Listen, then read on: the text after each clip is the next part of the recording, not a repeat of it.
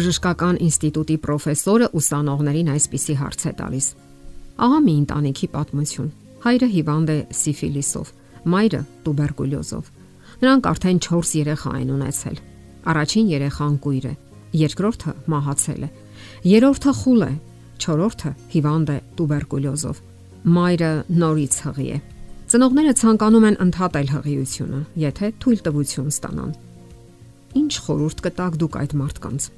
Ուսանողների մեծ մասը կողմ եղավ հղիության ընդհատմանը։ Շնորհավորում եմ ձեզ, ասաց պրոֆեսորը։ Դուք հենց նոր սպանեցիք Բեթհովենին։ Ոչինչ այնքան անբարոյական չէ, որքան սպանությունը։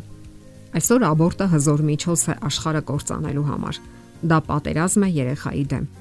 Եթե մենք ընդունում ենք, որ մայրը կարող է սպանել երեխային, ինչպես կարող ենք պահանջել, որ մարդիկ չսպանեն միմյանց։ Սրանք Մայր Թերեզայի խոսքերն են։ Հիրավի մարգարեական խոսքեր, մարդկային գթասրտությանն ուղված կոչ։ Հղիությունը ընդհատելու պրակտիկան կառուցվում է սաղմի դեհումանիզացիայի սկզբունքի վրա որ սաղմը ընդհանրապես կյանք չունի իր մեջ եւ ընդհանրապես բջիջների հավաքածու է, պարզապես ընկերքային նյութերի մի կտոր։ Դարեր շարունակ պտղի զարգացման գործընթացը մայրական ընդերքում գաղտնիք է եղել։ Սակայն ժամանակակից բժշկության նվաճումները բավականաչափ բացահայտել են այդ գաղտնիքը։ Ուլտրաձայները թույլ են տալիս ստանալու կենթանի պատկեր եւ տեսնելու, թե ինչպես է արգանդում գտնվող երեխան ակտիվորեն շարժում թաթիկները։ Ուլտրաձայնային հետազոտությունները ցույց են տալիս, որ երեխան մայրական ընդերքում շատ ավելի զգայուն է արտաքին աշխարհի հանդեպ, քան կարծում էին նախկինում։ Օրինակ, մոր որովայնի մոտ գտնվող պայծառ լույսը վախեցրել է երեխային եւ նա մի կողմ է թեքվել, իսկ մեղմ թույլ լույսը գրավել է նրան։ Բարձր կտրուկ ձայնը երեխային հարկադրել է ցնցվել եւ թրջելու շարժումներ անել։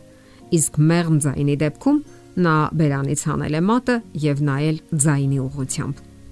Նոր ներսում գտնվող երեխան նույնիսկ ընդունակ է ճանաչելու մոր ձայնը։ Կան շատ տեսաֆիլմեր, որոնք ցույց են տալիս, թե ինչպես է երեխան կծկվում եւ փախուստի փորձեր անում, զգալով իրեն մոտեցող աբորտի մահացու գործիքը։ Ուլտրաձայնը սաղմի վարքագծի մեջ բազմաթիվ անսպասելի մարդկային նշաններ է հայտնաբերել։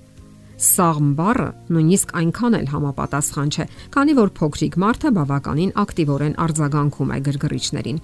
Բառը չափազանց տեխնիկական եւ աննշանակալի է հնչում, որpիսի գթասրտության զգացում առաջացնի եւ թույլ չտա ոչնչացնել մանչուկին։ Ճիշտ կլիներ, եթե հղիությունն ընդհատել ցանկացող յուրաքանչյուրքին տեսներ իր երեխայի ուլտրաձայնային պատկերը։ Անկասկած շատ բան կփոխվեր նրա մեջ եւ նա հարկադրված կլիներ վերանայել իր որոշումը։ Սոցիալական ընդհանրական խնդրից բացի գոյություն ունի նաև հարցի անհատական եւ հոգեբանական կողմը։ Կան բազմաթիվ համոզիչ վկայություններ, որ անցանկալի հղիության ընդհատումը ծանր հետևանքներ է ունենում։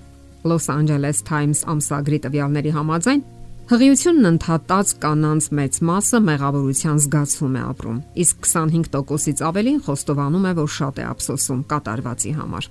Հղիության ընդհատումը երեխայից ազատվելու գթասիրտ եղանակ չէ ոչ հոգեբանական, ոչ էլ ֆիզիկական առումով։ Իրավականի մասին չենք խոսում։ Դա ամենավայրակ քայլն է, որ միայն կարելի անել արդեն կյանք համարվող էակի հանդեպ։ Ռուս նշանավոր գիտնական Օպարինը իր կյանքի բանաձև գրքում գրում է. Այժմ օրենքով թույլատրվում է անցանկալի հղիության ընդհատումը, որպես ծնելիության հանդեպ հսկողության մեթոդ։ Թեև խիստ ասած այն պետք է համարել որպես մահացության հսկողության միջոց եւ նույնպիսի գործողություն, ինչպիսին է էվթանազիան, երբ գիտակցաբար սպանում են անհույս հիվանդներին։ Ասենք որ հղիության ընդհատումը հակասական զգացումներ է առաջացնում ապագա մոր մոտ, որովհետև նրա մեջ բնազդային ջերմ ցանկություն է առաջանում պահպանելու երեխային Նրա ողջ մարմնում սկսում են գործել աստծուց սահմանված նրբագույն մեխանիզմները, որոնք ֆիզիկական եւ հուզական առումով նախապատրաստում են նրա յուրաքանչյուր բջիջը նոր կյանքի ծնվելուն։ Քննելով այս երևույթը բարոյական եւ իրավական տեսակետից, հաշվի չառնենք այն դեպքերը, երբ հղիության դադարեցումը հիմնավորվում է բժշկական տեսակետից։ Այսինքն, հղիությունը գուցե վտանգավոր է կնոջ ֆիզիկական եւ հուզական առողջության համար։ Մնացած դեպքերում ինչը կարող է արդարացնել այդ քայլը։ Որոշ դեպքերում դա հեշտ միջոց է շփոթվածությունից եւ ամոթից խուսափելու համար։ Հաճախ էլ հեղինակությունն ու հպարտությունը պահպանելու համար։ Իսկ իրականում հղիության ընդհատումը կործանում է ոչ միայն պոտենցիալ կյանքը, դրանով խորտակվում է մարդու ամբողջականությունը, եւ սրանք դատարկ խոսքեր չեն։ Աբորտի բարոյական կողմի մասին կարծիքները կարող են տարբեր լինել։ Դրա կողմնակիցները հանդես են գալիս կնոջ իրավունքի պաշտպանության դիրքերից։ Եվ սա կարևոր վճիռ է բարոյականության տեսակետից, մի կողմ թողնելով հարցի իրավական կողմը։ Կարծում եմ կարևոր է նշել նաև շատ բողոքական եկեղեցիների դիրքորոշումը։ Նրանք միանշանակ դատապարտում են այդ երևույթը եւ հանդես գալիս կյանքի իրավունքի պաշտպանության դիրքերից։ Նրանք պնդում են, որ սաղմը համարվում է մարդկային էակ, որը բեղմնավորման պահից սկսած նույնքան իրավունք ունի ապրելու, որքան ցանկացած մարդ։ Այս թեման ընդարձակ է, կարծիքները բազմազան, բարոյական ու հոգեբանական դիրքորոշումը տարբեր, այնպես որ այս մասին կարելի է շատ խոսել։ Առայժմ բավարարվենք այսքանով։ Եթերում ընտանիք հաղորդաշարներ։ Ձեզ հետ է Գեղեցիկ Մարտիրոսյանը։ Հարցերի եւ առաջարկությունների համար զանգահարել 033 87 87 87 հեռախոսահամարով։